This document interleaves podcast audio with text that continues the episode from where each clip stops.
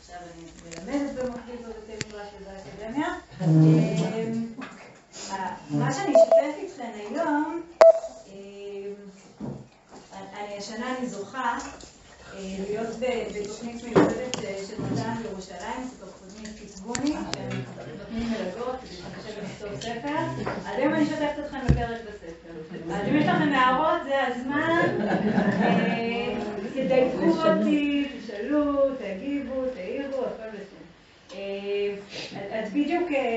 קצת דילגתי קדימה כדי שאני אעסוק עכשיו בפרק של פורים, כדי שזה יצא לי טוב, הוא על החגים.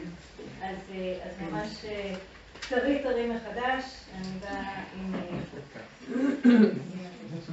אוקיי, אז מה אנחנו נעשה? אנחנו נחלק היום את השיעור לשני חלקים. בחלק הראשון אנחנו נעסוק בתנ"ך, ובחלק השני אנחנו נעסוק במשנה. בסדר? כי אני, את החיים שלי, אני חיה בין העולם תורה שבכתב לתורה שבעל פה, אז אני נהנית ללמד גם וגם. משום מה יצא שבשנים האחרונות אני לומדת בעיקר תורה שבעל פה, אז כשלא אומרים לי מה ללמד, אז אני מגניבה עצמי בגמתן. אז... ואנחנו זוכרים. אתם זוכרים, כן. אוקיי, אז מה אנחנו נעשה? אנחנו נפתח את החלק הראשון של השיעור, יהיה בתנ"ך, ואנחנו נשאל את השאלה הגדולה, המפורסמת, הנדושה, הקלישאתית, איך שלא תרצו, שאלה איפה השם נמצא במגילה. בסדר? אז בואו נתחיל ממה אתם יודעות. איפה השם נמצא במגילה? בנסתר. המלך, אוקיי, מה עוד? רווח והצלה יבוא מקום אחר, יפה. מה עוד? קודם כל מי אמר שהשם במגילה, כן? זה כאילו, זה הנחת יסוד כזה שאיפה השם במגילה, אנחנו שהוא נמצא במגילה, אז בואו נחפש אותו. כי הוא נמצא בכל מקום. מה? כי הוא נמצא בכל מקום. אתמול העברתי את השיעור הזה ואז מי שמע, זאת אומרת, ברור שהשם נמצא, השם נמצא בכל מקום, נכון? ועדיין אני לא אפתח את השיעור בשאלה איפה השם נמצא ברומי או ביולי. למרות שהשם נמצא בכל מקום, אני לא אטפל למצוא אותו ברומי או ביולי. יכול להיות שהוא נמצא כי הוא נמצא בכל מקום, אבל עדיין זה לא יהיה שאלה שאנחנו נשאל אותה. כלומר, באיזשהו מובן, ההנחת היסוד שלנו שהשם נמצא במגילה לא קשורה לזה שהשם נמצא בכל מקום, אלא יותר קשורה לזה שהמגילה נמצאת בתנ"ך.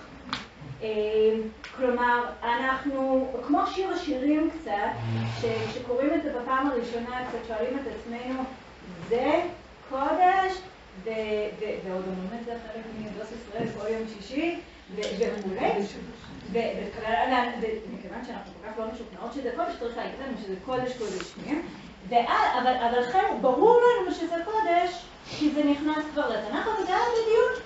גם שיר השירים היה בדיון, גם מגילת אסתר היה בדיון, בנסיבות שונות קצת, אבל בכל זאת, לנו ברור שהשם נמצא במגילה, בין היתר בגלל שהמגילה נמצאת בתנ"ך, ועכשיו בואו נחפש אותו. אבל זה לא כל כך, לא כל כך ברור, אז אנחנו נלך ואנחנו נבחן כמה כיוונים שונים. בסדר? אנחנו נתחיל מהמוכר והידוע, אנחנו גם נחזור אליו בסוף, אבל מהמוכר והידוע זה גמרא במסכת חולין, במקור אחד. אני אוהבת לקרוא בעצמי את המקורות, אבל אני רוצה שמישהי תקרא פעם. מי מתנדבת? יאללה. המן מן התורה מנין? המין העץ. למה רציתי שמישהי אחרת תקרא?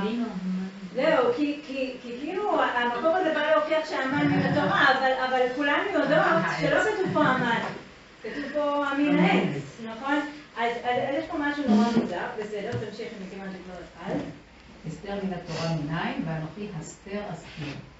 וחי מן התורה מנין, כתיב מר דרור, מותר מינן, נירה דחי. אוקיי, אז בואו ננסה להבין את זה, אנחנו נתחיל עם המן, נעבור למרדכי, ובסוף נסיים עם אסתר. אז מה זה המן מן התורה מנין, ואיך הגענו להמין העץ? כאילו זה קצת מוזר, אוקיי? כלומר, אם כבר אני יכולה ללכת המן שבמדבר, שאוכלים אותו? יש בכל מיני מקומות שהצירופים של ה' מ' נ' מופיעים בתנ"ך. אז למה, מה ההשפעה שזה רוצה להגיד לנו?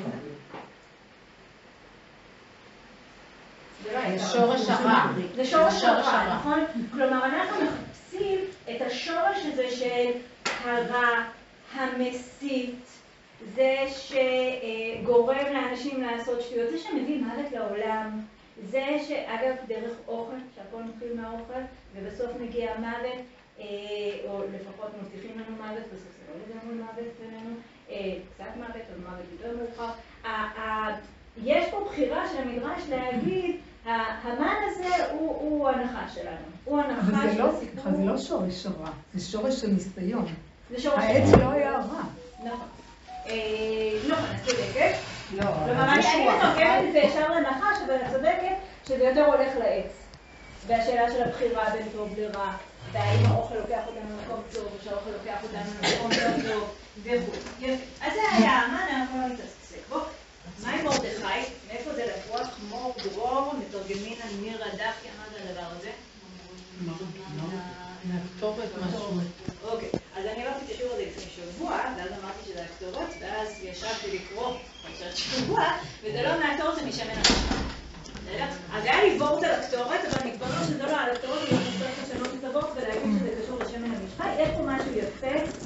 א', שמרדכי הוא אחד מהסממנים, המור דרור שלנו. הוא מתוך כולם, הוא משתלב שם בפנים, הוא חלק, אבל אם אנחנו הולכים לכיוון של שמן המשחה, יש שם גם את העניין הזה של הגדולה והתפקיד אה, וכו'.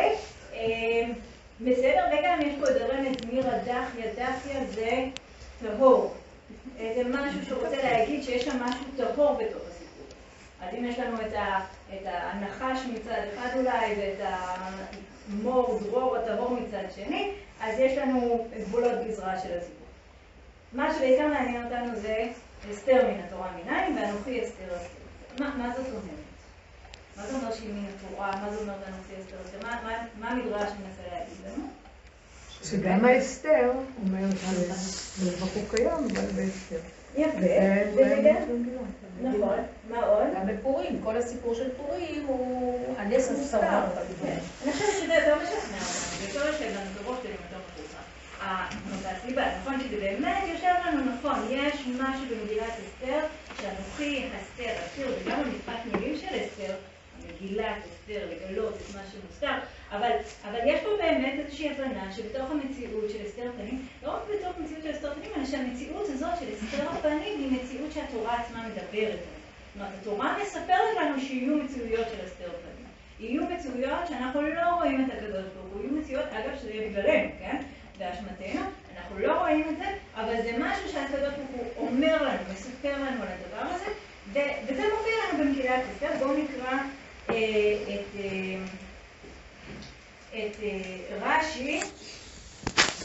אז, אז קודם כל זה דבר יפה, רש"י אומר מניין למעשה המן, המין העץ, הוא בכלל לא לקח את כל הגורמים שאנחנו אמרנו, בכלל הולך, יתעלה על העץ, אוקיי? סוג של אה, אותם דברים שנבראו בששת ימי בראשית, אז העץ של המן הוא מוכן, עכשיו תחשבו על זה, גם העץ של המן מתהפך מטוב לרע. נכון? כי המן הכין את העץ למרדכי והוא הופך להיות העץ להמן. יש, יש שם בתוך העץ הזה טמון גם הטוב וגם הרע, אוקיי? עץ הדעת אותו. מעשה אסתר, אסתר, אסתר, בימי אסתר, ליד אסתר פנים, נמצאו צרות רבות ורעות. כלומר, בעצם רש"י מתמקד לא בהצלה, אלא בהסתרה. מגילת אסתר זה מגילה של הסתרה. ומנין בגלולת מרדכי, זה המור דרור, וקרא אליהו ראש לבשרים, לצדיקים, לאנשי כנסת. אנחנו נראה עוד שני פירושים שככה מפתחים את הנושא הזה של אסתר פנים, ואנחנו, אסתר אסתר, ואנחנו אה, נעבור לרעיונות אחרים. אז המעבר אומר ככה, אסתר מן התורה מנין, ביאור דבר זה, כי הכתוב שאמר ואנוכי אסתר אסתר, הלשון מורה הצרה הגדולה, כי היו ישראל בגלות קודם, ואחר כך הגיע להם צרה על צרה, הוא המן. וזהו, אנוכי הסתר אסתיר, דהיינו הסתר בתוך הסתר. זאת אומרת, זה, כן, זה כפל, הסתרה נורא נורא גדולה, ולכך בכל המגילה לא תמצא הזכרת השם בפירוש. כי לא נגלה השם יתברך בגאולה הזאת. כי אף אחר הגאולה היו בגלות. ואיך יהיה השם נזכר במגילה? לכך נקראת אסתר, כי על ידה ניתה הגאולה, שהוא באסתר פנים. ודבר זה בוודאי מעלה יתרה, שאף שהיו בישראל באסתר פנים, גאלם השם יתברך על ידי אסתר. עכשיו, הוא לא רוצה להגיד הכל נסתר, הוא רוצה להגיד הכל עדיין נסתר. כלומר, גם בסוף הסיפור, בעצם אנחנו עדיין באסתר פנים. כלומר, זה לא, הסיפור לא נגמר לגמרי טוב. אומרת, יש לנו הסתר, הסתיר, ובאמצע יש לנו את הסיפור אה, של המגילה. אבל סליחה רגע, הוא אומר, קריאת אחר הגאולה, אה, יש הסתרה אה, בגלל שהם עדיין בגלות, ולכן, לא- כאילו, מה, בגלות אין את שם השם? יש הרבה ספרים שנכתבו בגלות ושם לא, הם לא עלו לארץ, זאת הבעיה. אוקיי, אז יש פה דיון שלם למה הם עלו לארץ, למה הם נשארו בגלות. אה, אנחנו זה לא כבר ניכנס הבית השני. גם השאלה האם שם השם נמצא בגלות היא שאלה לא פשוטה. זאת אומרת, יש, אה, לה- מספרים למה יונה בורח לחוץ לארץ, כי אין נבואה בחוץ לארץ, כי- כי השם הוא אלוהי ארץ ישראל. זה נכון שהוא גם אלוהי השמיים והארץ. זה מעניין, כי כשאנשים מדברים בישראל, הם אומרים אלוהי הארץ. כשהם נמצאים בחוץ לארץ, הם אומרים אלוהי השמיים. זה מאוד ברור. כלומר, ה- ה- מה? בוודאי. אוקיי. אלה שנמצאים בגלות יחשבו, מה, אנחנו גם צריכים משהו, רוצים רוצים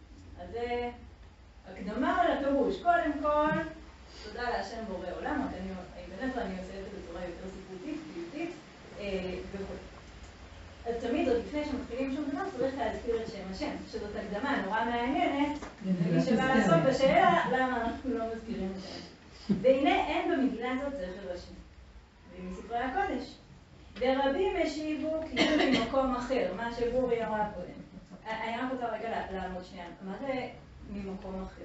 כי רבע מהצלה יעמוד ליהודים ממקום אחר. למה זה קשר לשם? המקום. כי מאיפה תבוא הישועה? אוקיי. משהו נסתר. כי השם נקרא המקום. השם נקרא יש פה שתי המקום. תשובות. אחד, שיש פה איזושהי אמירה אמונית כזאת, זאת אומרת, אנחנו מאמינים שהרב מהצלה יבוא, זו אמירה אמונית. אדם יכול להגיד אמירה כזאת רק אם הוא מאמין באיזשהו כוח עליון. אחרת אין אה, איזה אמונה יש שרב והצלה יבוא ליהודים. מי אמר? להאמין בטוב שבעולם, להאמין בהצלה, זאת אמירה אמונית. זאת אפשרות אחת. אפשרות אחרת היא שהמילה מקום פה זה, זה משחק מילים. כי המילה מקום זה הקדוש. הקדוש. עכשיו, מה הבעיה בדבר הזה? יגיד לנו אבן עזרא, הוא יגיד, וזה איננו נכון. כי לא נקרא השם מקום בכל ספרי הקודש, רק נקרא מעון שהוא לעולם גבוה. בקדמוננו ז"ל קראו מקום, בעבור שכל מקום מלא כבודו. אז, אומר פה אבן עזרא, ואני חושבת שסתם זו הערה חשובה, והיא תהיה חשובה לנו להמשך, הוא אומר, מקום זה בכלל לא מילה תנ"כית. מקום זה מילה חז"ל. פה ראוי לציין שמגילת אסתר נמצאת בדיוק על התפר הזה. בין תנ"ך לבין חז"ל. זאת אומרת, האבן עזרא כאילו בא ואומר, אבל אני לא מכיר מקום בתור אה, שם השם. זה נכון, אבל אם אנחנו על הגבול, אולי באמת יש פה איזה משחק, להגיד מקום ולהשתמש במשמעות המתחדשת של המילה מקום בלשון חז"ל. אז, אז בוא נגיד, אני לא, לא השתכנעתי מהטענה שלו, ואנחנו נחזור לזה בהמשך. בעוד מה, בואו נמשיך. בעוד מה הטעם למילה אחר? למה ממקום אחר? בסדר. והנכון בעיניי, אולי זה מה? ואז זה בא מהמקום של הביטוי, מהמקום אשר יבחר השם. זה גם יכול להיות, יש כאלה שהולכים לכיוון הזה גם כן, יש כל שנה. שאז זה בכלל מעניין, כאילו אז זה מכריח יותר את השאלה של איפה המפתח בתוך המגילה, שזאת שאלה נפרדת ואנחנו לא ניכנס אליה. ועוד, מה הטעם, אה, סליחה, רגע, והנכון בעיניי. שזאת המגילה חיברה מרדכי. וזה טעם וישלח ספרים, וכולם משנה ספר אחד, משנה כלומר עותק, שהוא המגילה, כטעם פדשגן, פדשגן זה עותק. והעתיקו הפרסים, ונכתבה בדברי הימים של מלכיהם. והם היו עובדי עבודה זרה, והיו כותבים תחת השם הנכבד והנורא שם תורתם, כאשר עשו לקוטים שכתבו תחת בראשית ברא אלוהים, ברא השמה. והנה כבוד השם שלא יזכרנו מרדכי במגילה. כלומר, מה הוא בעצם רוצה להגיד? הספר הזה נכתב פרסים. על ידי מרדכי. על ידי הוא מרדכי. ידע שהם יעתיקו את זה. הוא בעצם נמצא בגלות, הוא גם נמצא בתפקיד, הוא הולך עכשיו את הרב מכר רבה, אוקיי? והוא כותב סיפור שהוא סיפור נחמד, הוא סיפור עלילתי, יש דברים שעולים, אנשים שעולים, אנשים שיורדים וכו'. הוא לא יכול להרשות לעצמו להתחיל לדבר פה על האל, כי באחד העותקים יהפכו את האל הזה לאל אחר. אז הוא צריך, בסוג של צנזורה פנימית, שנועדה לא מרצון להסתיר את השם כי הכותרת נסתר, אלא מרצון להסתיר את השם כי הקהל לא מתאים, לא שייך. בסדר? עקדת יצחק אומר אותו דבר על בלפור. מה הוא אומר? ואומנם צורתה כבר ביררנו היותה בדיבור ברוח הקודש, נלבש ממנו.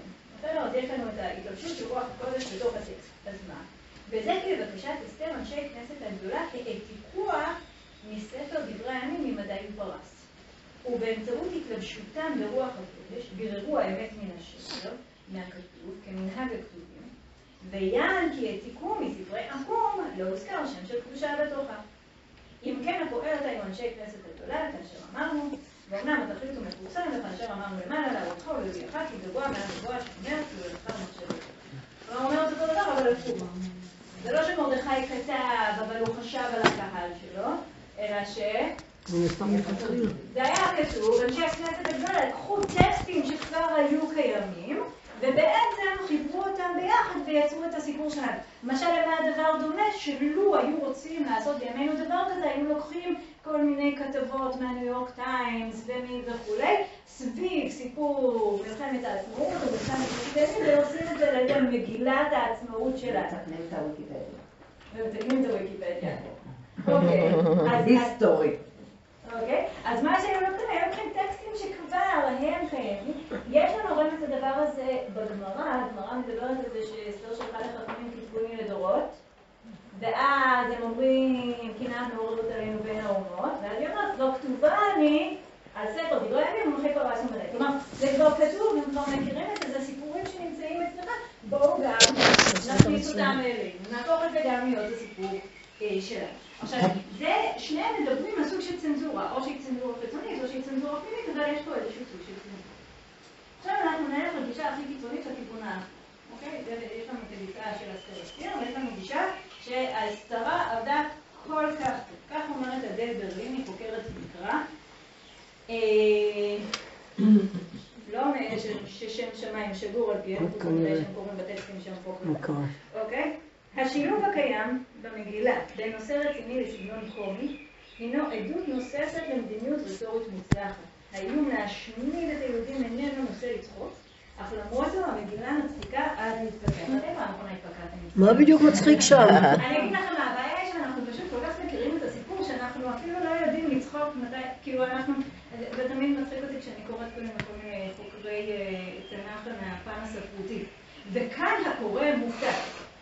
עכשיו, טוב שאתה מספר לנו, כי אנחנו כבר מכירות את הסיפור אנחנו כבר לא מופתעים. הכי כיף זה ללמוד את זה עם ילדים. שלא מכירים את הסיפור, ואז לבחון את התגובות שלהם, לזכור את זה, לשים לב, כן? זה, זה או עם, או עם ילדים קטנים, או לפעמים עם אנשים חילוניים, ולעצור, ולתת את ה... לשהות בתוך הסיפור, לא לנסות להגיע עד לסוף, ואז לראות מצחיק. באמת איזה רגשות עולים, מה החוויה, אבל באמת אנחנו חסר לנו היכולת לגשת לטקסטים אה, על נקי. אלא למה זה לא נכתב בערבית? זאת שאלה יפה, עוד רגע אנחנו נגיע לזה, בסדר? קודם כל, לפי התשובה של אבן עזרא, לא יודעת אבן עזרא, לפחות התשובה של רבי יצחק הרמה, הוא אמר שזה נכתב בכלל בפרסית, ותורגם לעברית. זאת אומרת, המקור היה פרסי. כן? כך הטענה שלו, שלקחו את זה מפרסית, ועוד רגע אני אוכיח שזה לא נראה לי בכלל בכלל, אבל אנחנו... יש זה. לכאורה תשובה בתוך המגילה. למה? מה התשובה במגילה? התשובה במגילה, כל אחת מהמגילות, כל, כל אחד מהכתבים נכתב לכל עם כלשונו, יש את האיגרת השנייה שאלה יהודים ככתבם מכלשונם, ואת זה אסתר כותבת ליהודים, זאת אומרת לכאורה המגילה הזאת זה איגרת הפורים השנית, והמילה בו כשקוראים איגרת הפורים הזאת השנית להחזיק את המגילה, כן, זאת האיגרת, בסדר? אז ברור שהיא נכתבה ליהודים, ואנחנו כבר יודעים שליהודים כותבים ככתבם וכלשונם, אז למה שהיא תהיה כתובה בשפה אחרת? אבל אה, דבריי. שפה. בשביל זה את צריכה להניח שאיגרת הפורים השנית אכן הייתה הסיפור של המגילה, והדבר הזה נתון במחלוקת. נכון, אבל לכאורה, לפחות זה שכל דבר נכתב בשפת הלשון של כל העמים, לפחות זה פשט מוחלט במגילה, לא צריך איזה... יפה, אוקיי, בסדר גמור. בואו, בואו, אה, אז רק נמשיך את מה שאומרת אדל ברלין, אחרי שצחקנו עד להתפקע. החצר הפרסית הרעשנית על הפגנת המותרות הרעבדנית ומשתאות השביעה המתמידים שלה איננה דווקא הרקע המתבקש להשמדת היהודים המתקרבת. העלילה מתענגת על ההילולה וגסות הרוח, ואולי זוהי הסיבה העיקרית להיעדר שמו של אלוהים מהמגילה. הסגנון קל הדעת של המגילה, מתאפיין בהגזמות, לעג, אי הבנות קומיות והיפוכי מצבים, מערער את כובד הראש של נושאה. אבל לא רק העלילה והסגנון מתאימים כמותם לאווירת חג הפורים ולאופן שבו הוא נופל. כלומר, מה היא בעצם רוצה להגיד? אתם יודעים למה השם לא נמצא פה? לא מתאים. לא מתאים. לא מתאים, זה לא ספסמוס. זה בכלל סתם איזה סיפור פרסי של המון משתאות והמון אה, אה, אה, טקס מלכת היופי, או כל הדברים האלה, מלא תהלוכה, שתייה. מה? תהלוכה, דויאדה. כן, כאילו מה, זה בכלל לא מתאים, זה- זה נצטרך, זה לא זה לא- לא בכלל לא קשור, בסדר? ביחזקאל. אה, הרפוטו. והאמת היא, אני אגיד לכם באמת, האמת היא שאני הבאתי, אני הערתי את השיעור הזה אתמול, מוצאי שבת ישבתי ותיקנתי את המקורות לפי אחרי השער של השיעור עליו וזה, יש לי עותקים נוספים, הם לא בדיוק זהים. אז אם מישהי רוצה אה, זה, את אה, גרסה תמה, אתם... כן. אה, אבל האמת ש... אבל אין פה את הכל, בסדר? או יש פה יותר מדי. זה- כאילו, לפני הצנזור שהפעלתי על עצמי. אוקיי. אז מה ראינו בעצם? בעצם ראינו מצד אחד את התפיסה של והנוכחי אסתר אסתיר, שבתפיסה שלנו נוכחי אסתר אסתיר אומר שהשם מוסתר, אבל האמת היא שמה שאמרו על הגמרא, שנוכחי אסתר אסתיר זה שהשם היה נסתר גלות. כן, כלומר שהייתה צרה גדולה, ובתוך הצרה הגדולה הזאת קשה לנו למצוא את. במובן מסוים גם להגיד שהחילוניות הגדולה של המגזר קשה לנו להכיל בתוכה את הקדוש ברוך הוא. אז זו תפיסה אחת. תפיסה אחרת אומרת, רצינו להכניס אותו, אבל פחדנו שיקחו את זה למקומות הלא נכונים. פחדנו שיכלנו לנו את הקדוש ברוך הוא, פחדנו שיגנבו לנו את הסיפור, העדפנו מראש לא להכניס אותו פנימה. אוקיי? אלה, אלה השתי אה, תפיסות שאנחנו מוצאות פה.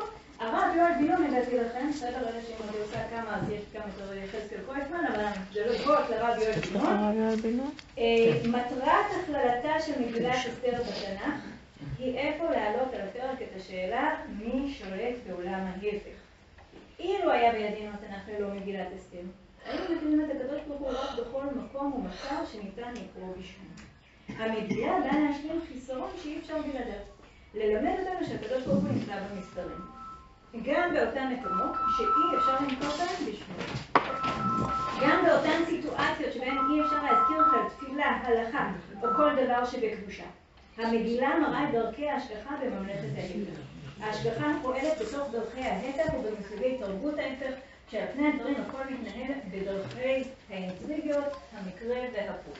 אוקיי? אז בגדול מה שהוא אומר, ואני חושבת שזה הדבר האינטואיטיבי שאנחנו הולכים להזדהות איתו, ולהגיד, זה נכון שיש פה סיפור שהשם נמצא, אבל כולנו יודעים שהוא שם. זאת אומרת, הסיפור, מה שיחזקאל קויפמן, ואלה שקיבלו את הגרסה כמה, יחזקאל קויפמן אומר, הסיבתיות הכפולה.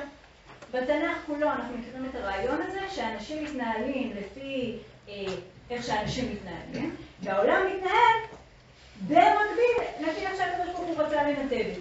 בסדר? זאת אומרת, נגיד, אה, רק מה קורה כאן, שזה פשוט לא מסופר לנו, אנחנו צריכים להבין את זה לבד. למה אני מתכוונת? בסיפור נגיד פיצול הממלכה בין ממלכת ישראל לממלכת יהודה. מה קורה שם? הסיפור מסופר פעמיים. פעם מנקודת מבט אנושית, שבו רחבעם הקשיב להצעת הילדים במקום להקשיב להצעת הזקנים. ולכן הוא ויתר על המלכות שלו, וירובעם היה עצבני על אה, זה וכולי וכולי. ובא מנקודת. מבט אלוקית, שבו הנבואה אמרה וואי. לשלמה שהממלכה תיחלק. לא? ואנחנו חיים לא ולומדים הבנת? בשני הצירים האלה, בסדר? לשבת את אה, כל הקבוצה. מה שהמגילה בעצם רוצה להגיד לנו, שזה קורה גם כשאנחנו לא מספרים את הנקודת מבט האלוקית, ברור לנו שהיא נמצאת שמה בתוך עול- בתוך העולם שלה. עד כאן הצגנו בעצם כמה שיטות שונות. מה שאני רוצה, זה אני רוצה סוג של לפתח את השיטה האחרונה, אבל בצורה טיפה לאחרת. בסדר? זאת אומרת, ה- ה- בגד...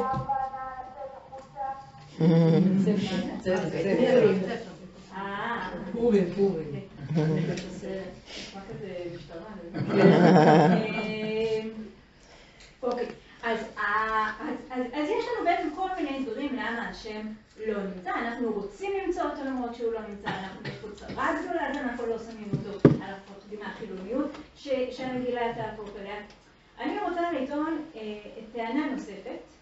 אה, ואני רוצה לדבר על, על ההסתרה של השם מהמגילה, שהוא, שהוא נוכח ונסתר בו זמן. למה אני מתכוונת? אז לפני כן דיברנו על רווח יצא יעמוד ליהודים ממקום אחר. זה מבלבל. מדברים שם על הקדוש ברוך הוא, לא מדברים שם על הקדוש ברוך הוא. המילה מקום היא רומזת להשם או היא לא רומזת להשם? יש שם משהו נורא מבלבל. אבל שם עוד איכשהו אפשר להתווכח. אבל אחד הדברים שאני חושבת מוסכם על כמעט כל מי שניגש לפרש את המגילה, זה שהמגילה כולה כל הזמן אה, עושה לנו רפרנסים לסיפורים אחרים בתנ"ך. אוקיי? נגיד, אני אשאל אתכם עכשיו, איזה סיפורים המגילה מזכירה לנו אה, סיפורים אחרים בתנ"ך? יוסף. יוסף, זה, זה כאילו, אין, שיעור שבו לא מזכירים את הקשר בין יוסף, יש לנו את ההוא היפה תואר ויפה מראה שנושא חן בעיני אחרים, והוא עולה לגדולה והוא מקבל את הטבעת, והוא מקבל את בית המלך אה, וכולי, נכון? אה, נושאים אותו על הסוס וקוראים לפניו אברך וקוראים לפניו וואטאבר וכולי, וזה ממש הסיפור של יוסף, כמובן זה גם עמוק יותר, של יהודי בגלות שעולה לגדולה, וגם שם בסיפורי יוסף יש לנו את הסיבתיות הכפולה הזאת של אה, הוא נמכר למצרים כי האחים שלו כעסו עליו, אבל אנחנו יודעים את הסיפור לא רק מהחלומות, אלא גם מברית. בדיוק, אוקיי? שם שם זה יותר נוכח. אתם חשבתם הרע ואלוהים חשבה לטובה, שלחני אלוהים הנה, וכולי. במחיה שלחני אלוהים הנה, וכולי, אוקיי? אז סיפורי יוסף. איזה עוד סיפורים המגילה שולחת אותנו אליהם? דוד. איך? דוד. איזה, מה אם בדוד? יחפשו למלך נערה. אוקיי, אז קצת מזכיר לנו את אבישי. קצת. כזה, יש כאן מקום להשוואה כזה. נכון. דוד, יש לנו גם דבר נורא מעניין שבסיפורי דוד יש לנו את האישה שבאה לשכנע את המלך לעשות משהו, יש לנו את האישה הנקולית, ואישה מה זה בית מאכל, וגם את בת שבע, של התפקיד של האישה החכמה שבאה לשכנע את המלך לפעול בצורה כזו או אחרת. אביגיל, אביגיל. גם אביגיל מצטרפת לנשים החכמות האלה. מה עוד יש לנו? אני ככה מסתכלת לכם מאמרים של איזה 20 אנשים שונים, אבל אה, יש לנו את הסיפור של האימהות. בגתן ותרש. שמה יותר? פרעה. נכון, זה מזכיר לנו סיפורי יוסף, את המלך שר שקצף על האופים. שריציו. ו- שר האופים ושר המשקים. ושר המשקים, נכון? הסיפורים של האימהות שנלקחות לבית המלך הזר, נכון? זה גם כן. אז יש לנו כל מיני סיפורים, יש לנו גם סיפורים מבני אותה תקופה. גם אה, שרה והמלך. מה בשופטים? מה השופט? שאנשים יוש- יושבים בשער. העיר, בשער המלך ובשער העיר. אוקיי. מגלות בבל. מה את אומרת? שרה שהיא נלקחת גם למאה ה-27. נכון, נכון, המדרש גם עומד על זה, על המאה ה-27 של שרה, ושנלקחת לבית המלך כמו שנלקחת אסתר, ואנחנו מרגישים, אפילו הרפרנס הזה קצת אומר לנו, אסתר לא הייתה שם כי היא רצתה, לקחו אותה, בדיוק כמו שלקחו את הסבתא רבא רבא רבא רבא שלה, נכון? אה, גם מספרים מבני אותה תקופה, יש לנו... גלות בבל. אה, אסתר. נכון, ויש לנו את חנניה, מישאל, עזריה, דניאל, שמאותה תקופה, שגם כן הם בבית המלך הזר, היהודי וכולי, אוקיי? עכשיו, למה זה חשוב? בעיניי, קודם כל זה חשוב, כי זה אומר שיש לנו רקע לסיפור, בסדר? אבל זה עוד יותר, כי אנחנו נגלה לא רק אה, תמות שהן דומות, אנחנו ממש נראה ביטויים נורא נורא דומים. אני רוצה שאנחנו נראה שתי דוגמאות לדבר הזה, לפני שאני אגיד מה, מה אני מסיקה מזה. בסדר? אז זה איך שיושב במהדורה הרשמית של היום. לנו קיבלת היום אה? תחפושות אז במקום אחד...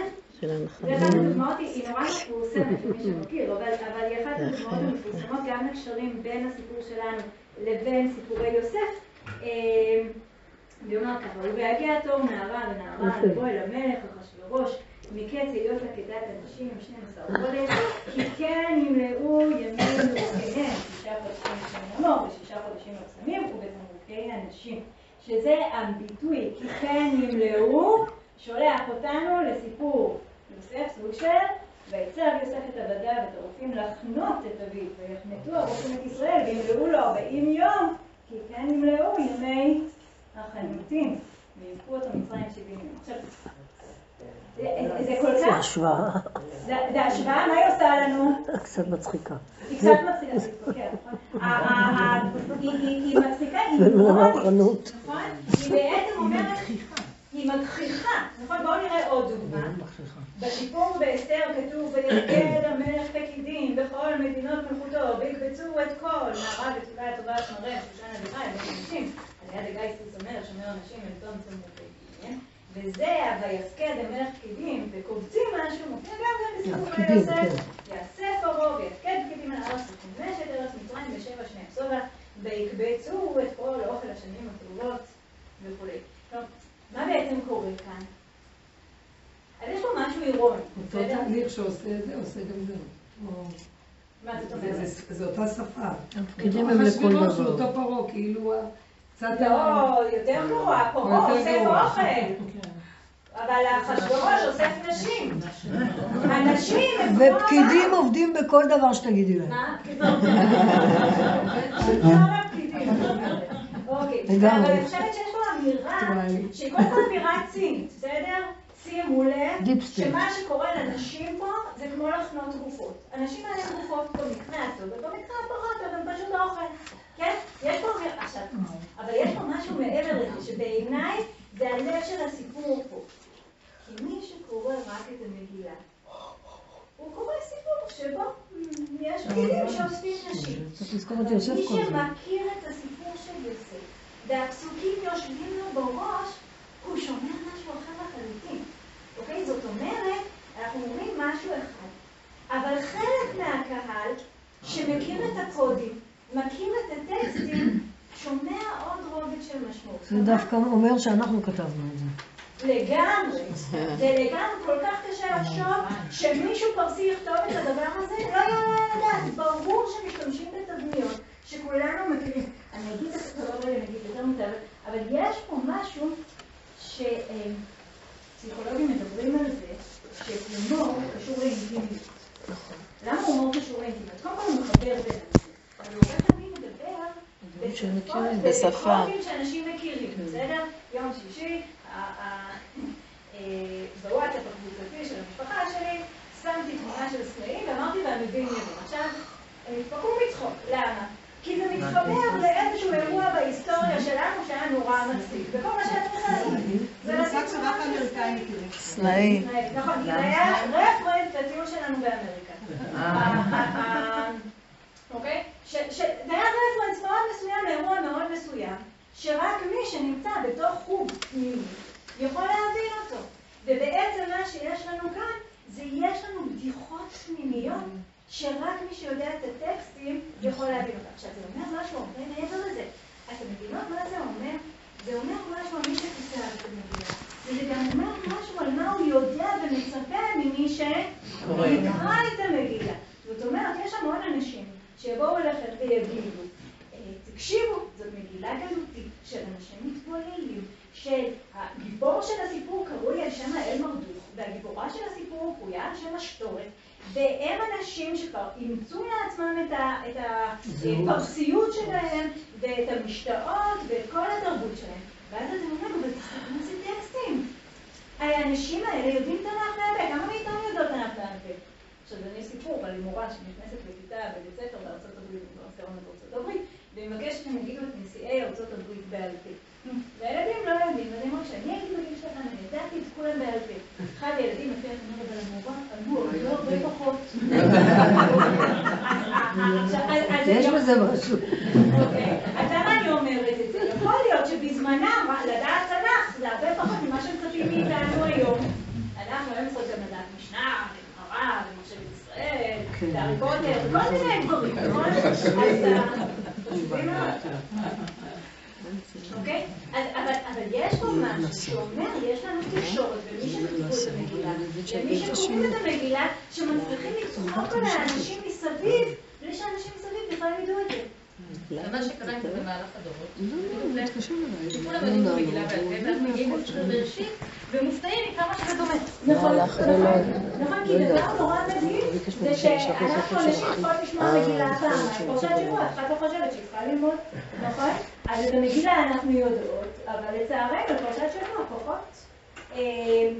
באמת, באמת אה, קצת עצוב. יש ביטוי בגמרא שחכמים עשו ציטוט לדבריהם יותר מאשר תורה. במגילת אסתר זאת לא הוכחה. שבפורים אנחנו עושים, אה, לומדים את זה, יש מלא זמן בבית ספר ללמוד, גם לפורים, גם לחנוכה, מגיעים לפסח לשבוע וחצי. נכון? מה? קוראים אותה פעמיים. רואים אותה נכון. פעמיים, נכון, בדיוק. אוקיי, עכשיו ברגע שאנחנו רואות את הדבר הזה, אחר כך אפשר להגיד, בואו נחפש את הקודים האלה, בואו נחפש את הרמזים האלה בפנים. בואו נראה לדוגמה מקור חמש. ומרדכי ידע את כל אשר נעשה, ויקרע מרדכי את בגדיו, וילבש שק ואפר, ויצא בתוך העיר, ויזעק זעקה גדולה ומרה. ובכל מדינה ומדינה מכל מקום אשר דבר המלך בדתו מגיע.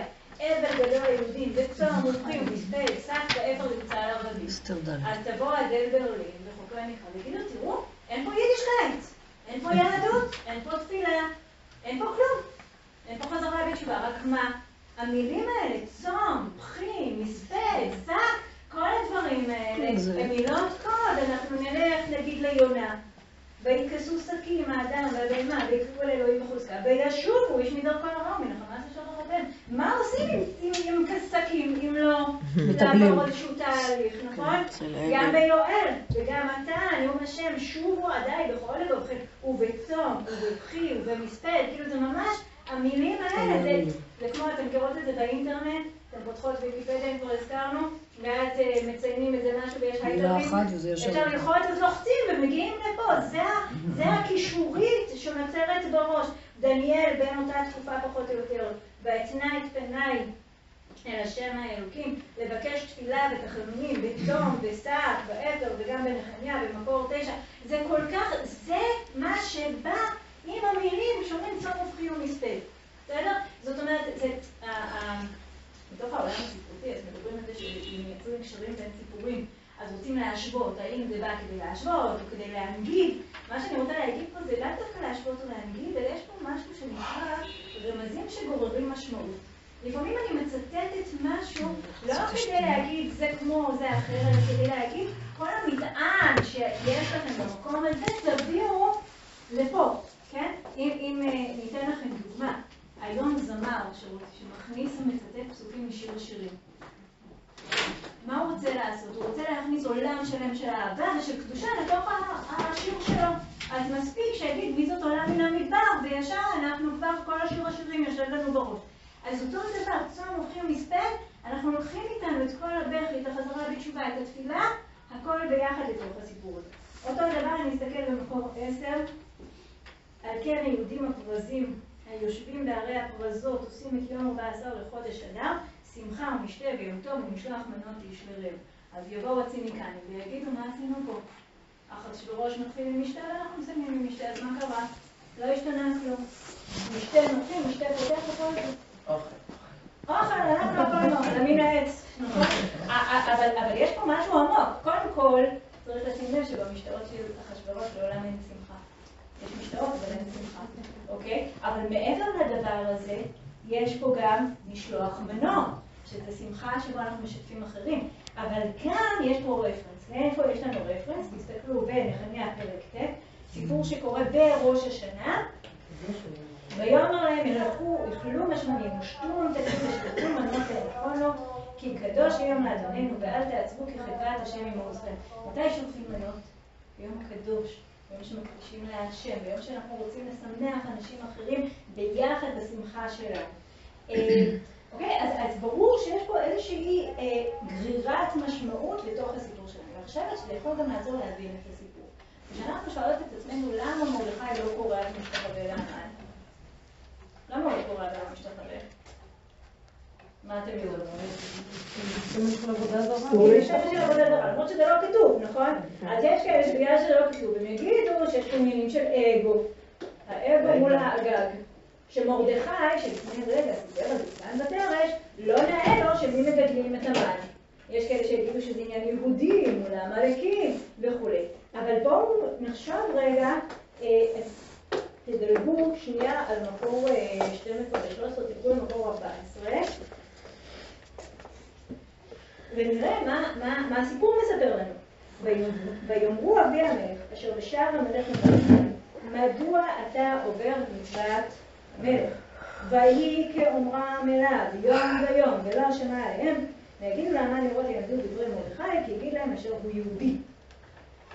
ויהי כאומרם אליו יום ויום, עוד פעם שולח אותנו חזרה לסיפורי יוסף. מה קורה בסיפורי יוסף? במקור 15, איננו גדול בבית הזה ממני ולא חסך ממני לעומת תמונותיך באשר את אשתו, ואיך יעשה הרעה הגדולה הזאת וחטאת לאלוהים, והיא כדברה אל יוסף יום יום ולא שמע אליה. אם מי שמחבר את המגילה קושר באופן כל כך ברור בין הסירוב של מרדכי להשתחוות לבין הסירוב של יוסף לשכב עם אשת פוטיפר, כי זה חטא, אז ברור שמרדכי רואה בדבר הזה חטא. עכשיו לא הבאתי לכם את זה פנימה, אבל יש פה דבר נורא חשוב להגיד. לאורך התנ"ך אנחנו פוגשים אנשים שמשתחררים לאנשים אחרים. נתן משתחרר לדוד המלך. מה הבעיה להשתחוות לאדם ולסמכות? זה- קורה לאורך כל התנ"ך. אבל המילה לכרוע ולהשתחוות זה כבר סיפור אחר. לכרוע ולהשתחוות זה השם אלוהים. יש? על זה איסור מפורש בדברים, לא תעשו כן לדרכי העבודות, כשאנחנו עובדים את השם, אסור לעשות... נכון, אבל להשתחוות לבן אדם זה משהו. שקורה. אבל לכרוע, לכרוע ולהשתחוות. לכרוע מופיע בתנ"ך, יש לנו קריאה של בעלי חיים, אוקיי? קרא רבת כארי, בסדר? יש לנו את אה, ספרה שקורע בין קרע, קרע נפל, ש- בין רגליה, קרע נפל שחר, בסדר. אבל כשאנחנו מדברים על אדם שעושה את זה בכוונה, זה להשם או לבעל? שלמה קורע לפני השם בחנוכת המקדש, ואנחנו מדברים על אה, אה, כל הברכיים אשר לא קראו לבעל. כן, אז יש לנו בעצם קריאה זה כבר משהו דתי. השתחוויה יכול להיות משהו לא דתי, אבל קריאה זה משהו דתי, בוודאי קריאה והשתחוויה. אז אנחנו יכולים להגיד שמרדכי לא קורא ולא משתחווה, כי הוא רואה באמן איזשהו גורם אלילי. אם תחזרו למקור 12, אז מסופר לנו שבחודש הראשון הוא חודש ניסן, בשנת 12 המלך אחשוורוש, הפיל פור הוא הגורל לפני המן מיום ליום, מחודש לחודש 12 הוא חודש אדם. אז יש לנו פור. הביטוי להפיל פור, להפיל גורל לפני המן, אם אנחנו השעירים מעמידים אותם לפני השם ומפילים את הגורל, ופה הבאתי לכם את זה מחלוקת הנחלות ביהושע, וישלח להם יהושע גורל ושילה לפני השם. כהני הדת הם משליכים את הגורל לפני האל. אז אצלנו זה השם ואצלם זה המן, שיש לו חכמים, יודע איתי, יש לו כאילו, יש לו עדת כהנים שמשרתות, משרתים אותו, אוקיי? אז בעצם בסיפור הזה, מה שאני רוצה להגיד, ואז אנחנו נעבור לחלק הבא של השיעור, אני אתן לכם קצת אתנחתא שאתם תלמדו קצת את המשניות לפני שתדבר עליהן, בסדר? אמ, מה שאני מנסה להגיד זה שיש פה, ברור שהשם נמצא במובן הזה שכל פסוק כמעט במגילה רוצה שאנחנו נחשוב, רוצה שאנחנו נחשוב על משהו מקביל. הם רוצים שאנחנו, כשאנחנו נקרא את הסיפור הזה, נרגיש מעין תקשורת סמויה. זה קצת מרגיש כמו שנגיד היו תקופות שבהן אנשים לא יכלו לתקשר, היהודים לא יכלו לתקשר, מחתרות, כל מיני דברים כאלה, ומפרסם מודעה בעיתון, ואתה שם שם את כל מילות הקוד. אז כולם רואים את המודעה, ורק מי שצריך להבין, מבין. יש תמונה כזאת שרצה בוואטסאפ, ש... של אה, קוד של בית כנסת איפשהו בארצות הברית. שיש קודן, מה הפרשת ולידו? כתוב בעברית, כן, כל מיני כאלה. אה, אימהות, אה, כזה. בסדר, אתה אמור להבין, כן, שאימהות זה ארבע. זאת אומרת, בסדר, יש רשימה של קודים, נכון. ושיהודי אמור להבין אותם בשנייה. אוקיי, וככה אתה וזהו, יכול וככה להיכנס. יהודי יכול להיכנס, וזהו, פתרנו את הבעיה. יפה, ממש ככה. זה אותו דבר, הרעיון הזה כתב בגלות, ואנחנו יודעים שמלא אנשים יקראו אותו, אז הם יקראו אותו והם יבינו משהו אחד. אבל כשאנחנו נקרא אותו, עם המטען הרוחני התרבותי שלנו, אנחנו נבין משהו אחר, אנחנו נבין איך משהו עומד מאחורי זה. במובן הזה לא רק שהשם מסתתר במגילה, אלא היהדות מסתתרת במגילה. ויש פה גם משהו שמצד אחד אפשר להגיד, טוב, אנחנו בגלות, אנחנו צריכים להסתיר את היהדות שלנו וכו'. אבל יש פה גם משהו נורא מחבר, נורא מאחר.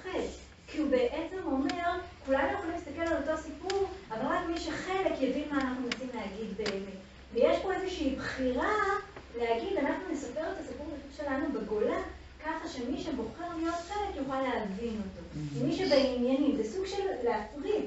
יש פה משהו שמצד אחד מחבר בין כל מי שמבין, ויש פה גם משהו מפריד בין מי שלא שייך. מי שלא חלק מהסיפור הזה פשוט לא יבין אותו, הוא יבין אותו ברמה נורא שטחית. אבל זה דרך לייצר זהות מחדש, בלי מקורות. אני אגיד בהערה קטנה, ואז אנחנו נעבור לחלק של המשנה. אחד הדברים מאוד חשובים לי בציבוריות הישראלית של ימינו, זה שאין לנו מקורות מוסכמים. שאנחנו לא כולנו מדברים על אותם מקורות. כאילו, אם כשהקמנו את המדינה, אז כולם ידעו תנ"ך. היה איזה אתוס ציוני שמבוסס על הסיפורים האלה. היום המקורות ההשראה של הקבוצות השונות פשוט לא אותם מקורות, זה מאוד מאוד מקשה על השיח. עכשיו, זה נכון שמתוך המקורות אפשר להגיע להמון מקומות, בסדר? כמות המאמרים שקראתי במגילת אסתר, כל אחד לוקח את זה למקום אחר, זה סבבה, לפחות יש על מה לדון, יש על מה לדבר. יש משהו בלהגיד, לכולנו יש מקורות משותפים, אנחנו מזהים אותם מאחורי הסיפור, שהוא נורא נורא חזק, הוא מאוד מאפשר סיפור יהודי בגולה, וזה מאוד מעניין שכמה דורות אחר כך, כשעזרא יעלה לארץ, האתוס שהוא ינחיל הוא אתוס של לימוד תורה, של, של קריאה בתורה וכולי, כי, כי זה חלק ממה שאחר כך בונה את הזהות שלנו, זה היכולת שלנו לדבר על הטקסטים. בסדר? אוקיי, אז אגב טקסטים, אנחנו נעבור לטקסטים נוספים. זה לצערי אין לי עוד עותקים מזה, אני. מי שמעדיפה, אני יכולה לפתוח בפלאפון שלה את המשניות. בסדר? אז אה, מה שאנחנו נעשה, מה. זאת אומרת, יש משניות בפלאפון? אה, יש יש משניות בפלאפון יש ששלחו? משניות בפלאפון. בסדר? אני אתן לכם כמה דקות. כן. אני לא רואה משניות בפלאפון. אה, אין לי. אמרתי את ה... זה, את התימניות אמרת. אוקיי, מה אני רוצה שתעשו?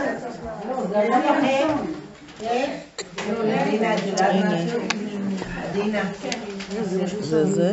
במיוחד ישראלית. ישנה מסכת מגילה פרק א'. יכול להיות שזה... תמיד זה הגמרא. כנסת, שיהיה להם למה להשתמש. והם זה דבר... מחכים לשמוע עברית. מחכים לשמוע עברית, מחכים איכשהו, אני גם ישראלי, או אני גם יהודי, ואני לפעמים. צריך שהיהודים יגיעו עד לבית חב"ד. כדי שהם יבינו מה זה יהדות. נכון? ועוד שהם איך. ימצאו את ה-. בתוך הסיפור את המגן דוד הזה? גם בטיול, כל פעם בית חב"ד. אוקיי, מה אני רוצה שאתם תעשו? אני נותנת לכם לא יותר מזה, בסדר? אני רוצה שאתם תקראו פרק א' במסכת מגילה. לא. שם זה הגמרא, אני לא... אל תדברו הרבה יותר מדי, ובעיקר תנסו להבין מה קורה. יש לכם פה אה, הסברים של מילים למי שצריכה, של מושגים שיעלו במהלך הפרק. פשוט נעבור אה, על מ- הפרק מי"א קוראים אותה? בסדר? לא פחות ולא יותר.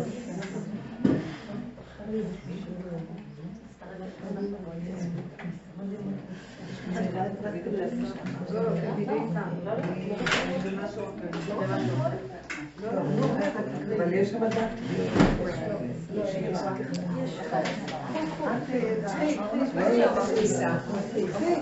מה אתה אומר היום הכניסה? מה? מה זה יום הכניסה? י"ד. יום הכניסה זה יום השוק. פעם היו עושים שוק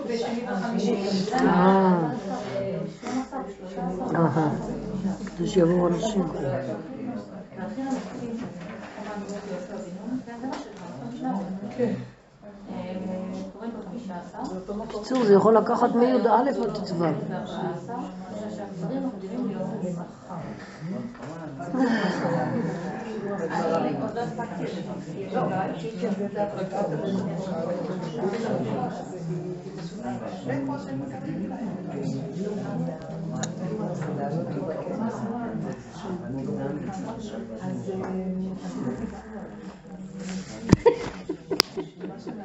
מצחיק. איזו עיר גדולה. כבר שיש בה עשרה בטלנים. פחות מכאן הרי זה כפר. איך הם מגדירים בטלנים? זה מצחיק.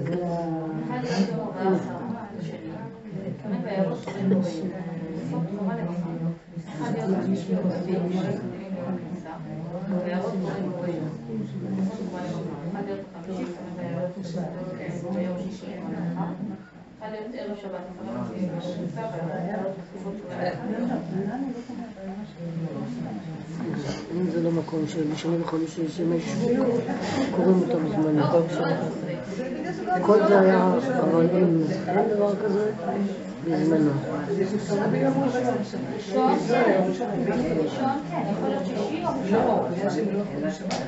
זה ירושלים.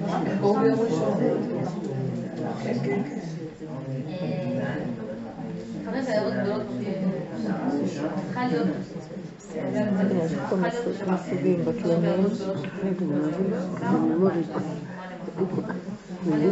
תלמידי ישיבה, אז קראו להם בטלנים. גם היום. לא כולם, אבל יש. ראיתם מה זה הגדרה של בטלנים? אברכים. אברכים זה בטלנים. לא, במגילה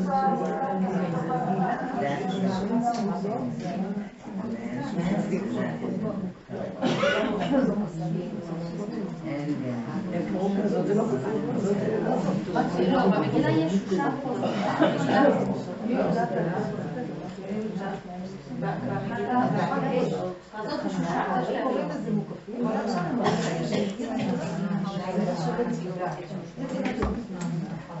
זה לי גם שתייה.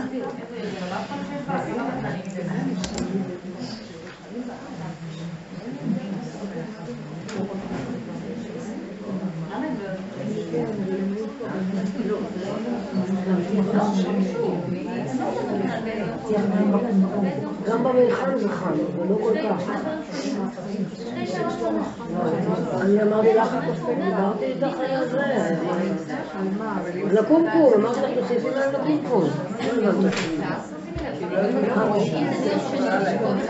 אז נוגעים ורואים שזה לא מי יודע מה חם. זה מה שאני עשיתי, אבל לא. אם לא מפריע לך שזה קצת חם, זה בסדר. אז בוודאי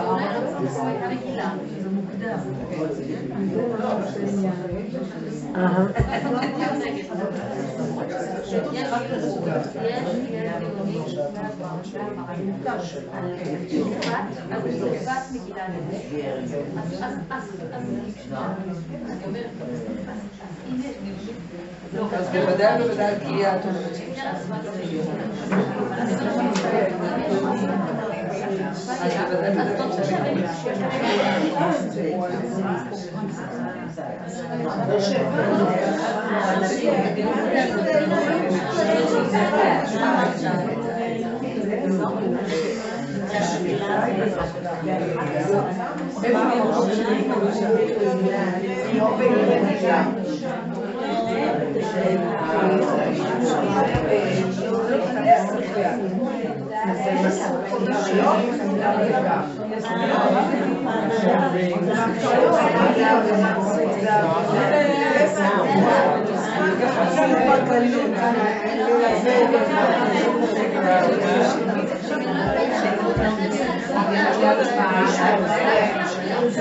בוקר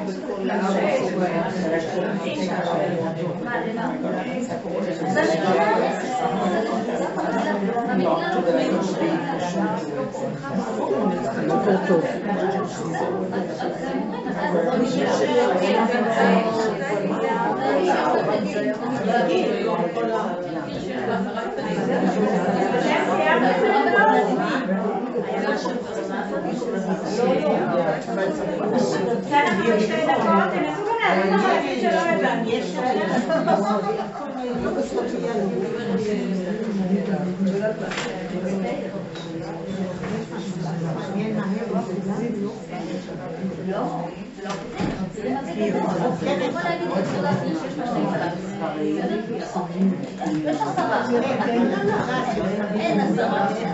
דקות, תנסו גם להבין מה להגיד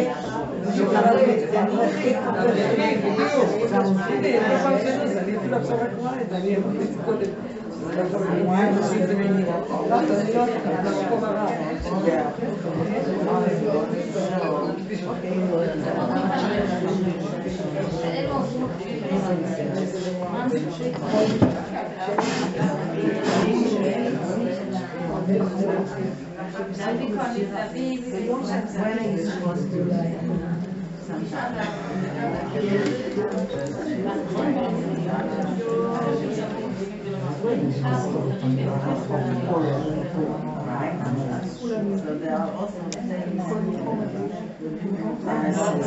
בצורה שיש בה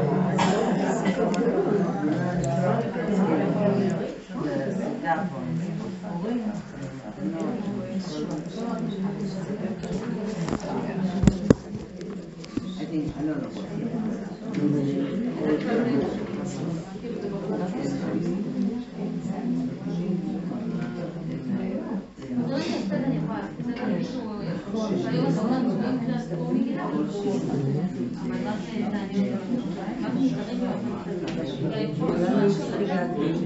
עשרה. אה, זה מה היה אז, היום, כל הדיונים האלה, זהו, מה הם עושים כל כך הרבה? אה? לא יודעת. כל הלמדניות. אנחנו לא מספיק למדניות. קראתי.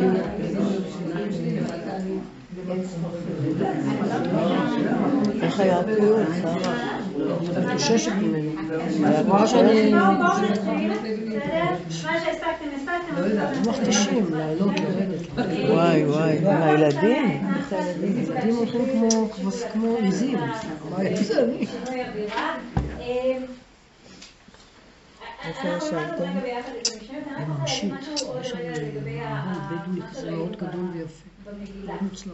במגילה יש פה תופעה מרתקת שבו אנחנו לוקחים את החיים עצמם, אבל אנחנו מספרים אותו בתור סיפור, בתור תבניות קיימות. נכון? אנחנו לוקחים את התנ"ך בתור התבנית שלתוכה אנחנו יוצקים את המציאות. אנחנו לוקחים את הסיפור של אה, איסוף הנשים אה, על ידי אחשוורוש, ואנחנו מכניסים את זה לתכנית אחרת מאיסוף עבר של, אה, חובות.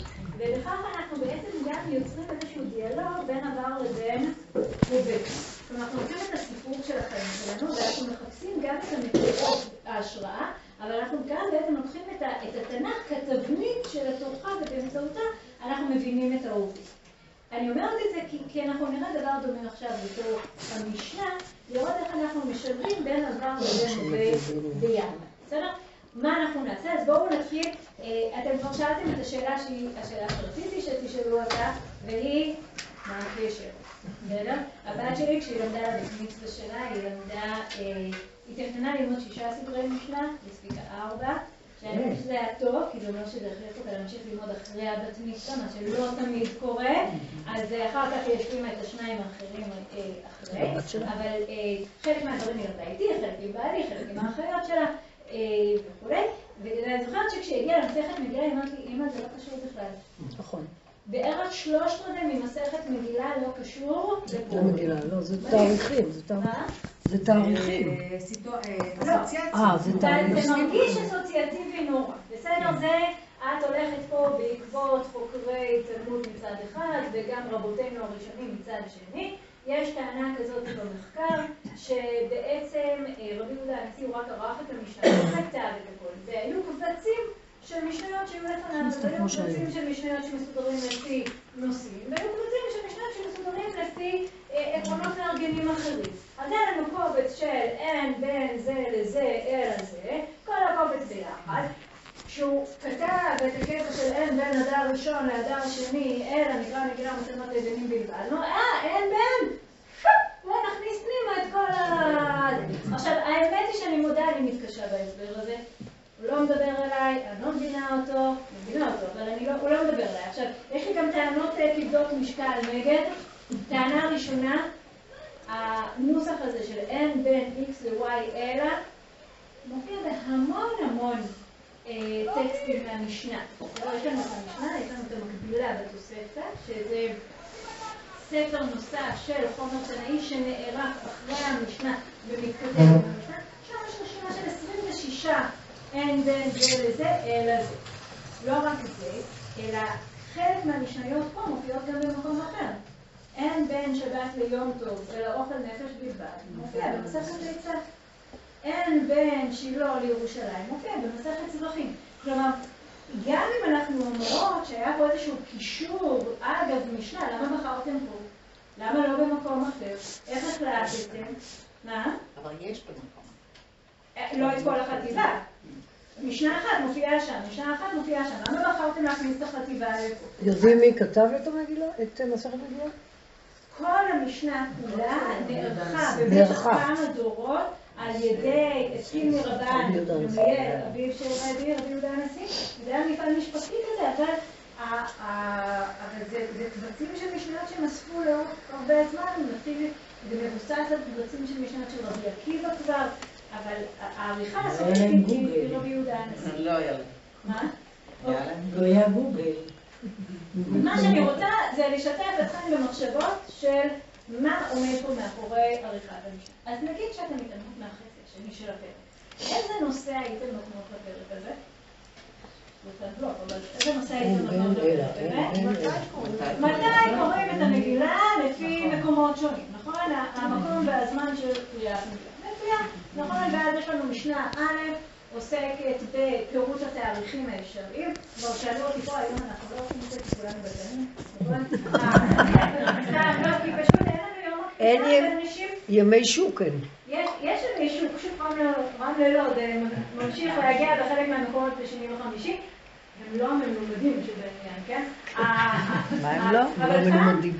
אבל פעם היו, אתם יודעות, היו כפרים כאלה, של אנשים כל אחד באחוזה שלו עם החקלאות שלו, והיה צריך להגיע פעם בשבוע לעיר הגדולה כדי למכור את הדברים, וכדי, אה, וכדי, וכדי גם לצרוך קצת תרבות. אז אם אתה מגיע בשני וחמישי, אז אז אתה תשב... אבל לא בגלל שגם הם לא ידעו לקרוא. לא, ו- גם, גם. אז מישהו אחד היה... נכון, אחד הם היו. מגיעים, ומישהו אחד היה קורא בשבילם, האמת היא שזה קצת, אני מציגה את זה לפי שיטה אחת, יש שיטות אחרות, אבל לצורך הדיון אה, נראה לי שזה מספיק. זוכרת פעם אה, אה, בעלי היה מועמד לרב קהילה בכפר מימון, והסבירו לנו ש- שבהקמת המדינה איכשהו יצרו התיישבות כזאת של יישובים חקלאיים, שלצד כל יישוב חקלאי יצרו איזשהו. של מיני יישוב של מורים. מרכז מורים. כן, נכון? מרכז. מרכז שפירא.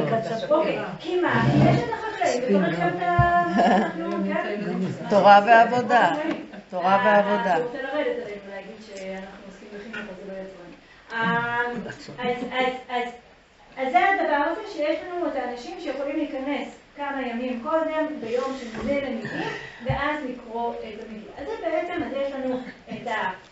אנשי העיר הרגילים שקוראים בי"ד, יש לנו את אנשי הכפר שקוראים ביום שני או חמישי שלפני, ויש לנו את האנשים שבערים ובקופות אחורה שקוראים ביום אחרי, והמשנה שאומרת שיש דברים שאנחנו לא יכולים לעשות בו ביום, אנחנו מאחרים אותם. בסדר? זמן הזה כהנים גם, עוד רגע נגיע לזה. ויש דברים כמו מקרא מגילה שאנחנו מקדימים אותם. בסדר. זה החלק הגדול של הפרק, שכבר קראתם, אנחנו לא ניכנס לזה, של אה, מה שקורה. אבל מתי הדברים יכולים להיות מעניינים? כשאנחנו מגיעות למשנה ד', נכון? קראו את המגילה באדר ראשון, ומתעברה השנה, קוראים אותה באדר שני. איך זה יכול להיות? של לחגוג פורים ולגלות יום אחרי... לא, אבל לא יודעים על עיבור השנה מראש? מה? לא תמיד יודעים על עיבור השנה. את השנה אפשר לעבר באופן רשמי עד סוף חודש אדר. עכשיו, כבר בגמרא יש נאמר שמשתדלים לא לעבר את אדר עשרי צורים, כי העם לא יסכים. עכשיו, אני תמיד חשבתי שהעם לא יסכים, כי כבר התחלנו ניקיונות לפסח. מה שכתוב בגמרא זה בגלל שכבר התחילו לדרוש בהלכות. נכון. אז יש את הגמרא של הגברים, ושם זה בגלל שהתחילו לדרוש, ויש את הגמרא של הנשים, שזה בגלל שהם התחילו לנקות. אוקיי? אתם אל תכניסו לנו עוד פעם משלוחי מנות לתוך הבית, אחרי שאנחנו... נכון? אוקיי. אז ה- ה- מישהו אמר, ש- שמעתי שאפילו כשהמשיח יבוא, הנושא הזה של אנשים עם ניקיון פסח יישאר אותו דבר. הכל ישתנה חוץ לא מזה. יהיו הקלות. זה בגנטיקה של אנשים.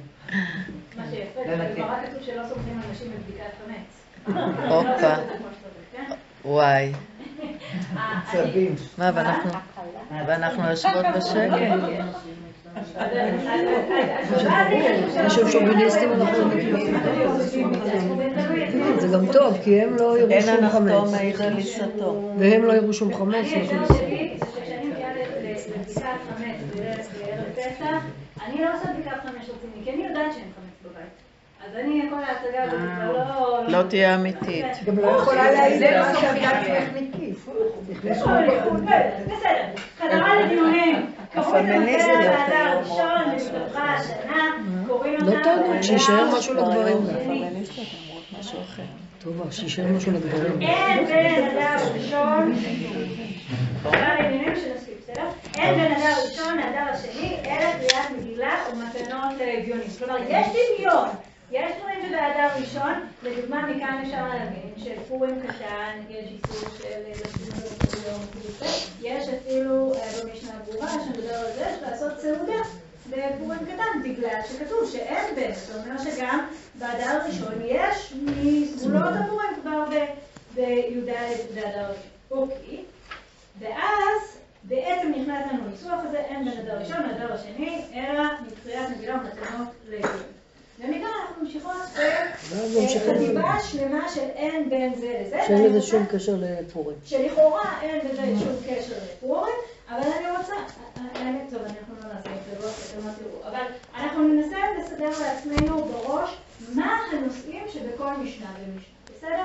אז משנה ה' אין בין יום טוב לשבת אלא אוכל נפש בלבד, אין בין שבת ליום, ליום הכיפורים, אלא שזה זדונו בידי אדם וזה זדונו בכרת. מה הנושא של המשנה הזאת? השוואה בין שבת ליום טוב לבין שבת ליום כן. אגב, רק שתדעו לכם מה יותר חמור שבת ויום הכיפורים. שבת? שבת, שבת זה תפילה בידי האדם, בעוד שכרת, עוד זה גמיש כזה, אפשר לעשות תשובה וכאלה. אבל ה- בסדר, יש לנו שבת ויום טוב ויום הכיפור. הלאה. משנה הבאה, אין בין המודר הנאה מחברו למודר ממנו מאכל, אלא בביסת הרגל בכלים שאין עושים בהם אופן נפש. שהוא הדת. מה זה מודר? מאיזה לשון זה? נדר. נדר, אוקיי? בתקופת חז"ל מאוד אהבו נדרים. ו- ואדם רצה לאסור דברים שלו על מישהו אחר, הוא רצה סתם לא להזמין אותו הביתה, הוא סתם כעס עליו, הוא אמר, אני מדיר אותך הנאה מהנכסים שלי. זאת אומרת, עכשיו כל הנכסים שלי אסורים עליך. או שאני מדיר את עצמי הנאה מהנכסים שלך, ועכשיו כל מה ששלך עליי. אני יכולה לעשות את זה על הכל, מודר הנאה. אני יכולה לעשות את זה על האוכל. אני נודרת לא ליהנות ממך שום דבר בתחום האוכל, ועכשיו כל מה שקשור לאוכל, או יכול להוביל לאוכל, אה, יהיה אסור. בסדר? אנחנו, היום כשאנחנו מדברים על להדיר אנשים, זה כבר פועל דמייני. זה מתחיל מנדר, הפך למודר, הפך להדיר. כבר מודר זה פשוט תואר. אה. אה, תואר, אה, זה סליחה. אה, אוקיי, אז יש לנו את העולם של נדרים. אנחנו פחות מרגישות את זה היום. אנחנו, חז"ל העבירו אותנו תהליך, אחר אנשים נשבעים. אחר כך חז"ל אמרו בואו ננדור במקום להישבע, והיום אנחנו כאן אומרים בלי. בסדר? אבל זה ברור שנדר זה דבר נורא חזק. אני לא כי- בדרך כלל לא דיברו על זה, לעשות שאלו. את זה, כן? אני שמעתי, יש שמועות שבארץ יש נשים שעושות דיאטה. קלה. ושמעתי שמועות כאלה, ושמעתי שמועות על נשים שעושות דיאטה, שלפני שהן הולכות לאירוע חלבי, הן דואגות שהן יהיו כמו בשר. בדיוק. מה הן דואגות? להיות בשריות. ככה אני לא אגע, לא בשוקולדים, ולא בקצפת, ולא בגלידה, כי משהו דתי יותר חזק מהרצון שלנו. אז אנשים היו עושים את זה עם נדרים, בסדר?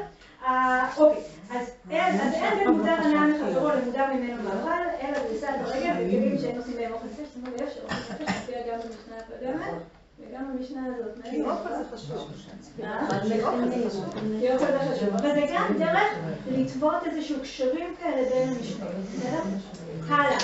אין בין נדרים לנדבות, אלא שהנדרים חייב באחריותה, ונדבות אינו חייב באחריותה. מה זה נדרים ונדבות? זה העולם של הקורבנות. נדר זה כשאדם מקבל על עצמו להביא קורבן, נדבה זה כשהוא אומר הדבר הזה יהיה קורבן, אז ההשוואה היא פשוט האם זה ילך לאיבוד, האם עדיין יש לו אחריות להביא את זה, אוקיי? הלאה. אז מה הנושא של המשנה הזאת רגע? קורבן. זה לא בדיוק קורבן. מה הנושא של המשנה או תחום אחריות. היה לנו פה שני דברים, בכל זאת אני אנסה, אני מקווה שתראו, בסדר? היה לנו את משנה ד', היה לנו אדר, בסדר? אדר א' ואדר ב'. היה לנו את משנה ה', היה לנו שבת ויום טוב ושבת ויום כיפור, בסדר? משנה ו', יש לנו מודר, מאכל או הנאה, ויש לנו נדרים ונדבות, כשיש לנו צד שווה ביניהם, נכון? כי כולם מדברים על נדרים. נדרים, אוקיי? בואו נמשיך הלאה למשנה ז'. משנה ז', אין בן ז' הרואה שתי רעילות, לא רואה שלוש, אלא קורבן. אין בין מצורע מוסגר למצורע מוחלט, אלא פליאה ופנימה. אין בין טהור מתוך הסגר לטהור מתוך החלט, אלא תדלחת וציפור. אוקיי, אז זר זה מקביל לזבה, זה אדם שרואה איזושהי הפרשה גופנית, מינית, שהוא לא אמור לראות, זה יכול לגרום לו לטומאה, זה קורה לו פעמיים, קורה לו שלוש. מצורע מתוך הסגר, מצורע מתוך החלט, הסגר זה שאנחנו במצב שאנחנו לא יודעים צרעת או לא, אנחנו שמים אותו בסגר, אולי אנחנו בסגר, אה, לצערנו, ומצורע מתוך החלט זה שאנחנו יודעים בוודאות שזה לא רק שהוא היה חשוף לזה, אלא שהוא ממש חשוף. אוקיי? אני אגיד לכם כבר עכשיו, אני אגיד לכם, יש כתבי יד של המשנה, שהסעיף האמצעי לא נמצא שם, ויש פה רק שני סעיפים, השוואה בין זב מסוג אחד לזב מסוג שני. ומצורע מסוג אחד למצורע מסוג שני, לי. כותרת למשנה, אנחנו נוכל להגיד שמה הצד השווה שלהם, יאי. אוקיי? אז יש לנו היא לא- ושלוש, ויש לנו שם. אה, מוסגר או מוחלט. הלאה, בואו נעבור למשנה. אתם שמות שיש לנו כבר איזושהי תחושה קצת של אה, זרימה, שיש לנו כל פעם אה, זוג כזה שאנחנו משווים, שהם דומים. כן, שם? זה תגלחת וציפורים? שמצורע הוא טמא לגמרי, הוא יושב מחוץ למחנה. כדי להיכנס לתוך המחנה, יש לנו תיאור שמגלח את כל השערות של הגוף שלו, לוקחים צמד של ציפורים, זורקים את האחד ומשפטים את הדם לתוך המים, ואת השני סוגרים לתוך המים ומשלחים אותו על פני השדה. מאוד דומה לזוג של החיילים של יום כיפור. לא נדון לזה היום. אוקיי, משנה אחרת. אין בין, בסוף אנחנו נעשה מהלך, זה יהיה מעניין, בסדר? בינתיים אנחנו, התחושה היא שאנחנו יורות פה לכל הכיוונים, נכון? שאתם כאילו באתם ללמוד מסכת מגילה וקיבלתם אה, מסע. לכל מיני תחומים הלכתיים שאתם אה, לא חשבתם שזה קשור היום. אין בין ספרים לתפילין ומזוזות, אלא שהספרים נכתבים בכל לשון, ותפילין ומזוזות אינן נכתבות אלא אשורית. רבן גמליאל, רבן שמעון בן גמליאל אומר, אף בספרים לא התירו שיכתבו אלא לבנים. אז מה הנושא של? אגב, מה זה אשורית? עברית שלנו. זה הכתב העברי שלנו, בסדר? לא ניכנס לזה, אבל זה הכתב העברי שלנו. אז פה אנחנו משווים, זה פעם ראשונה שאין לנו בית זוג. אוקיי? יש לנו רק ספרים, ספרים, תפילין ומזוזות, אבל לא פה עוד דברים. והסופר סתם, והסופר... כדי קצת לאזן הכנסנו מחלוקת, אבל... אה,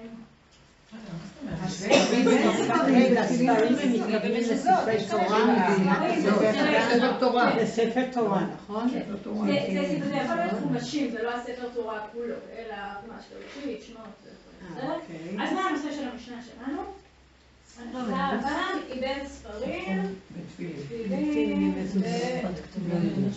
רגע, ספרי תורה נכתבים בכל לשון? זאת שאלה מאוד יפה, וכשתגיעי לגמרא בזה.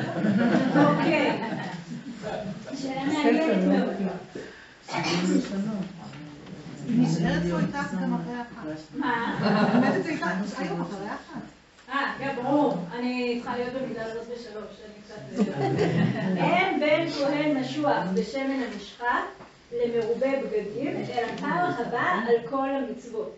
כהן משוח בשמן המנחה הוא כהן משחת, הוא כהן גדול.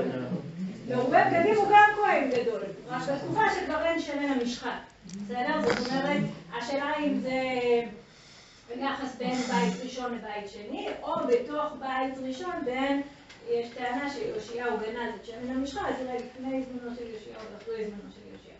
אוקיי, אין בין קר... אין בין כהן משמש לכהן שעבר, כהן משמש אומרת שהוא כרגע בתפקיד, לכהן שעבר זה כהן גדול בדימוס. למה שיהיה כהן גדול בדימוס? כנראה שהכהן הגדול כבר לא תפקד. היה, לא תפקד, נבצר, הוא היה נבצר. הוא היה נבצר, נבצר. מישהו אחר נכנס במקומו, ואז הוא ישר הוא בסוף בית שני, שכהנים גדולים התחלפו לימין ועל שמאל. כן, בדרך כלל הם מתו בגלל זהו, הוא לומד. לא. אוקיי, בסדר. אז אין בין כהן משמש לכהן לאחר יום הכיפורים והעשירית היפה, קורבנות מסוימים. שימו לב שהנושא של קורבנות קצת חוזר פה, כן? אוקיי, אז מה הנושא שלנו הפעם? יש לנו את עבודת המקדש. יש לנו אה, משוח לעומת מרובה, לא? ומשמש לעומת כהן. כהן. קורה. אם אנשים הם בר, אז הכהנים הם פרים. אוקיי, אה, סליחה. הלאה. אנחנו כמעט מסיימות ואז נוכל לדון בזה, בסדר? ולחפש משמעות קצת. אין בין במה גדולה לבמה קטנה אלא פסחים. מה זה במה גדולה ובמה קטנה? מה זה במה? במה זה מזבח, שהוא לא במסגרת בית המקדש, בסדר? עכשיו, בגדול, יש תקופות בעם ישראל שאסור להטריד בבמות, בסדר? יש לנו איסור להטריד בבמות כשיש בית מקדש, כשיש לנו כשלא היה איסור במות, וכשהיה את המקדש בירושלים היה איסור במות, אבל בין לבין היה מותר. אז השאלה היא, ואז יש במה קטנה, שזה המזבח שאנחנו בונים בחצר האחורית שלנו, ובמה גדולה זה שיש משכן אבל בלי ארון הקודש, בסדר? נגיד בנוב וגבעון הייתה הבמה הגדולה, היא הייתה הבמה המרכזית אבל היא לא הייתה מקדש. אז פסחים צריך להביא בבית המקדש ואי אפשר להביא בבמה בחצר. זה הכלל. תקשיבו, כל שהוא נידר ונידב, נשמע מוכר? כן. נדר ונדבה. נכון? כל שהוא נידר ונידב קרב בבמה, וכל שאינו לא נידר ולא נידב אינו קרב בבמה. בסדר? אז יש לנו בעצם השוואה בין במות. עכשיו אני הולכת להיות מניפולטיבית קצת, אבל תרשו לי, ואני אקרא כבר את המשנה הבאה. בסדר? אין בין שילה לירושלים, אלא שבשילה אוכלים קודשים קלים. זאת אומרת, אותם קורבנות שמותר לאכול אותם לבעלים. ומעשר שני בכל הרואה, כל מי שרואה את המשכן היה יכול לאכול אותה. ובירושלים לפנים מן החומה. זאת אומרת, בירושלים טוב. בתוך החומה, וכאן וכאן קודשי קודשים נאכלים לפנים מן הכללים. קדושת שילה יש אחריה היתר במות, וקדושת ירושלים אין אחריה היתר. עכשיו למה קראתי את שתי המשניות האלה ביחד? כי הם קשורים אחד לשני, נכון? וגם ככה יצרתי מאוד זוג, אז אתם תרשמו, בסדר? אז רבה בבמון. נדר. י' א', יש לנו את הבמה הגדולה ויש לנו את שילה בירושלים. עכשיו כבר אתם שמות לב שאנחנו כאילו מתחילות להרגיש שיש פה איזה רעיונות שקצת חוזרים על עצמם, הקורבנות חוזרים על עצמם. יש לנו את הנדרים והנדבות שחוזרים על עצמם, יש לנו קצת קשרים כאילו שהם מינוריים, כמו האוכל נפש שהופיע פה והאוכל נפש שהופיע פה, וגם, אני לא יודעת אם שמתם לב, אבל בשילה ובכל הרואה, והיה לנו את הזר שרואה ראייה אחת או שתי ראיות. אז יש- יש פה כאילו קצת קשרים, שלא לדבר על זה שבירושלים דיברנו על החומה, וזה עשוי גם להזכיר לנו את הערים המוקפות חומה שבכלל היו לנו כהן. אז יש לנו כל מיני כאלה רמזים שיש פה משהו שרוכש מתחת לפני ואז אנחנו צריכות לשאול את עצמנו, אבל מה? מה זה רוצה להגיד לנו? למה זה נמצא? ופה אני רוצה שאנחנו נשים לב שאפשר לתת כותרות לזוגות האלה, בסדר? זאת אומרת, אם אני צריכה לתת כותרת לשבת, יום טוב ויום כיפור, מה אני אקרא לזה? מועדים. מועדים, ימים טובים. ימים טובים. אני רוצה לקרוא לזה, זמן. אוקיי? זמן, האקדמאים יודעים זמן, להגיד. אוקיי. אני רוצה לקרוא לזה קדושת הזמן. אוקיי, זמנים קדושים, קדושת הזמן, יש לנו עיסוק בקדושת הזמן. בואו נעבור למשנה הבאה, יש לנו את המודר מאכל, מודר הנאה, נדרים ונדרות, איך נקרא לזה? קדושת החומר. לא קדושת חומר, קדושת, זה לא אדם אדם. נדרים. מה מייצר פה את הקדושה? הדיבור, קדושת הדיבור. בסדר? בואו נדבר על הזב והמצורע, פה אנחנו מסתבכות, נכון? קדושת הגוף. זה לא בדיוק כי אנחנו בטומאה, נכון? אז אנחנו נדבר על טומאה, אנחנו נתייחס לזה בהמשך, כי זה קצת אה, תוקע עלינו, תתקל בגלגל, בסדר? אה, בואו נלך למשנה ח', אבל טומאה היא מכיוון שיש קדושה לגוף. אז הבנתי, אבל היא- אבל היא לא מתרכזת בקדושה של הגוף, היא מתרכזת בטומאה. מה שכן אני אגיד, שמה שמאפיין, בסדר, אני כבר אגיד את זה עכשיו, שמה שמאפיין זה ככל שטומאה היא יותר גדולה, אז בסוף צריך להתקרב למקדש, אם באמצעות את מחפשת חב"ד. קדושה, אז אולי זה קדושת המחנה, כל הדברים האלה. זה מעניין. אני רוצה. להגיד שזה טומאה שמובילה לקדושה. כי אם אתה זב חמור, בסוף אתה צריך להביא קורבן. אם אתה מצורע חמור, בסוף אתה צריך להביא קורבן. כלומר, ההגדרה של טומאה היא ככל שהיא יותר חמורה, היא- יותר מובילה להתעוררות מחודשת אל הקודש. מה עם משנה אחרת? מה אנחנו עושות איתה? ספרים, תפילין, מזוזות? קדושת הכתוב, הכתב, הכתב. הכתב, נכון. מה עם הכהן? האדם. קדושת האדם, פה אני רוצה להכניס את קדושת האדם, ומשנה י"א לומר קדושת המקום. יפה. אוקיי, אז סידרנו את זה יפה, יצא לנו יפה. אגב, דבר נורא מעניין, שמשנה כאילו אין לו בן זוג, נכון? כל הדברים ראינו בן זוג, אבל יש לנו עוד אחד שאין לו בן זוג.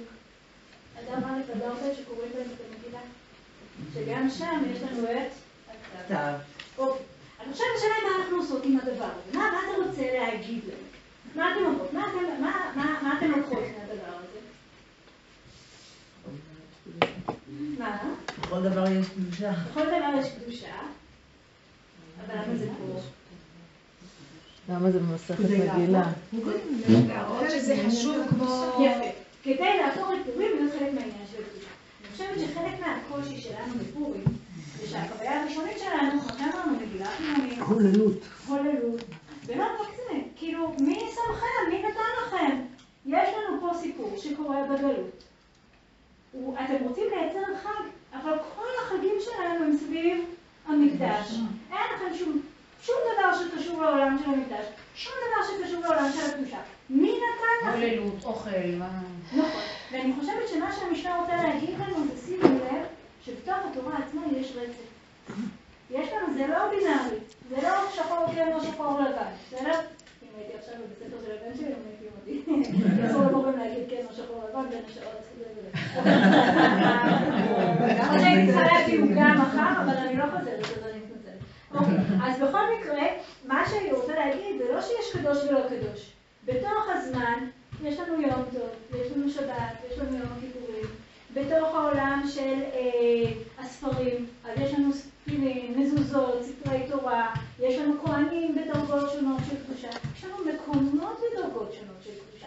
אז זה קצת מאפשר לנו ברגע שציירנו רצף, להגיד הנה אנחנו מכניסים עוד אחד. כן, ברגע שיש לנו איזשהו סוג של אה, תחושת גמישות, אלסטיות, אפשר להוסיף עוד אחד פנימה ולהגיד, זה גם כן קשור. יש לנו על הרצף, אנחנו נוסיף גם את פורים. ועל ה... וביחד עם הספרים תפילין ומזוזות נוסיף גם את המגילה. וביחד עם במה גדולה ובמה קטנה, אנחנו לא נקים לעצמנו במה, אנחנו נגיד, יש עבודת השם גם בעולם ללא מקדש.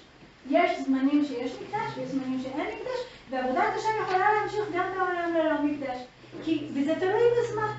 ו- אז, אז יש פה איזושהי אמירה, אם אמרתי במגילה, אנחנו לוקחים תבניות קיימות, ואנחנו משתמשים בהן כדי להסתכל עליהן על המציאות, אז אותו דבר, אנחנו לוקחים את פורים ואנחנו רוצים להכניס את זה לתוך תבניות קיימות, לחבר את זה לעולם הדתי שלנו שכבר קיים, למערכות ולמוסדות שכבר קיימים. ואני חושבת ששקלו פה עוד שני דברים נורא משמעותיים. הדבר האחד זה הנושא של טומאה. אני חושבת שחלק מאוד ממה שמטריד בתוך הסיפור של המגילה זה גם העולם של הטומאה, אבל גם חוץ לארץ, כמקום של טומאה. והם באים ורומזים לנו, תדעו לכם, לפעמים ככל שהטומאה יותר גדולה, הקרבה והקדושה שנוצרים מתח- מתוך זה, הם גם כן גדולים. כי טומאה זה הזדמנות להתקרבות מחדש. כן, מריבה גדולה היא הזדמנות לפיוס גדול, אז הטומאה היא ההזדמנות לקדושה מחודשת. ואני חושבת שהם גם נותנים לנו את המנגנון. מה המנגנון? נדר. נדר זה מנגנון ליצור קדושה בעולם. נדר זה המנגנון שהקדוש ברוך הוא צבע בתוך התורה, שאנחנו יכולים לקבל על עצמנו מחויבויות שקיבלנו על עצמנו מהתורה. הנדר והנדבה זה הדרך שלנו ליצור קדושה בעולם שהקדוש ברוך הוא לא יצר אותה, אבל הוא נותן לה תוקף. ובעצם באה המשנה ואומרת, תדעו לכם, בתוך העולם שלנו הקדוש ברוך הוא יצר לנו מלא תבניות של קדושה. ואנחנו יכולים לייצר עוד קדושה שמצטרפת ומחברת לתבניות הקיימות. ובמובן הזה זה מצטרף ה- המוטיב, המוטיבים שראינו במגילה, של לקחת משהו קדוש ולהשתמש בו כדי להתמודד עם החיים העכשוויים. לקחת את הפסוקים של התורה ולספר באמצעותם את הסיפור של המגילה, ולקחת את התדמיות של הקדושה בתורה ולצייר באמצע- באמצעותם את החג שאנחנו מחדשים בעקבות הסיפור. זהו, עד כאן.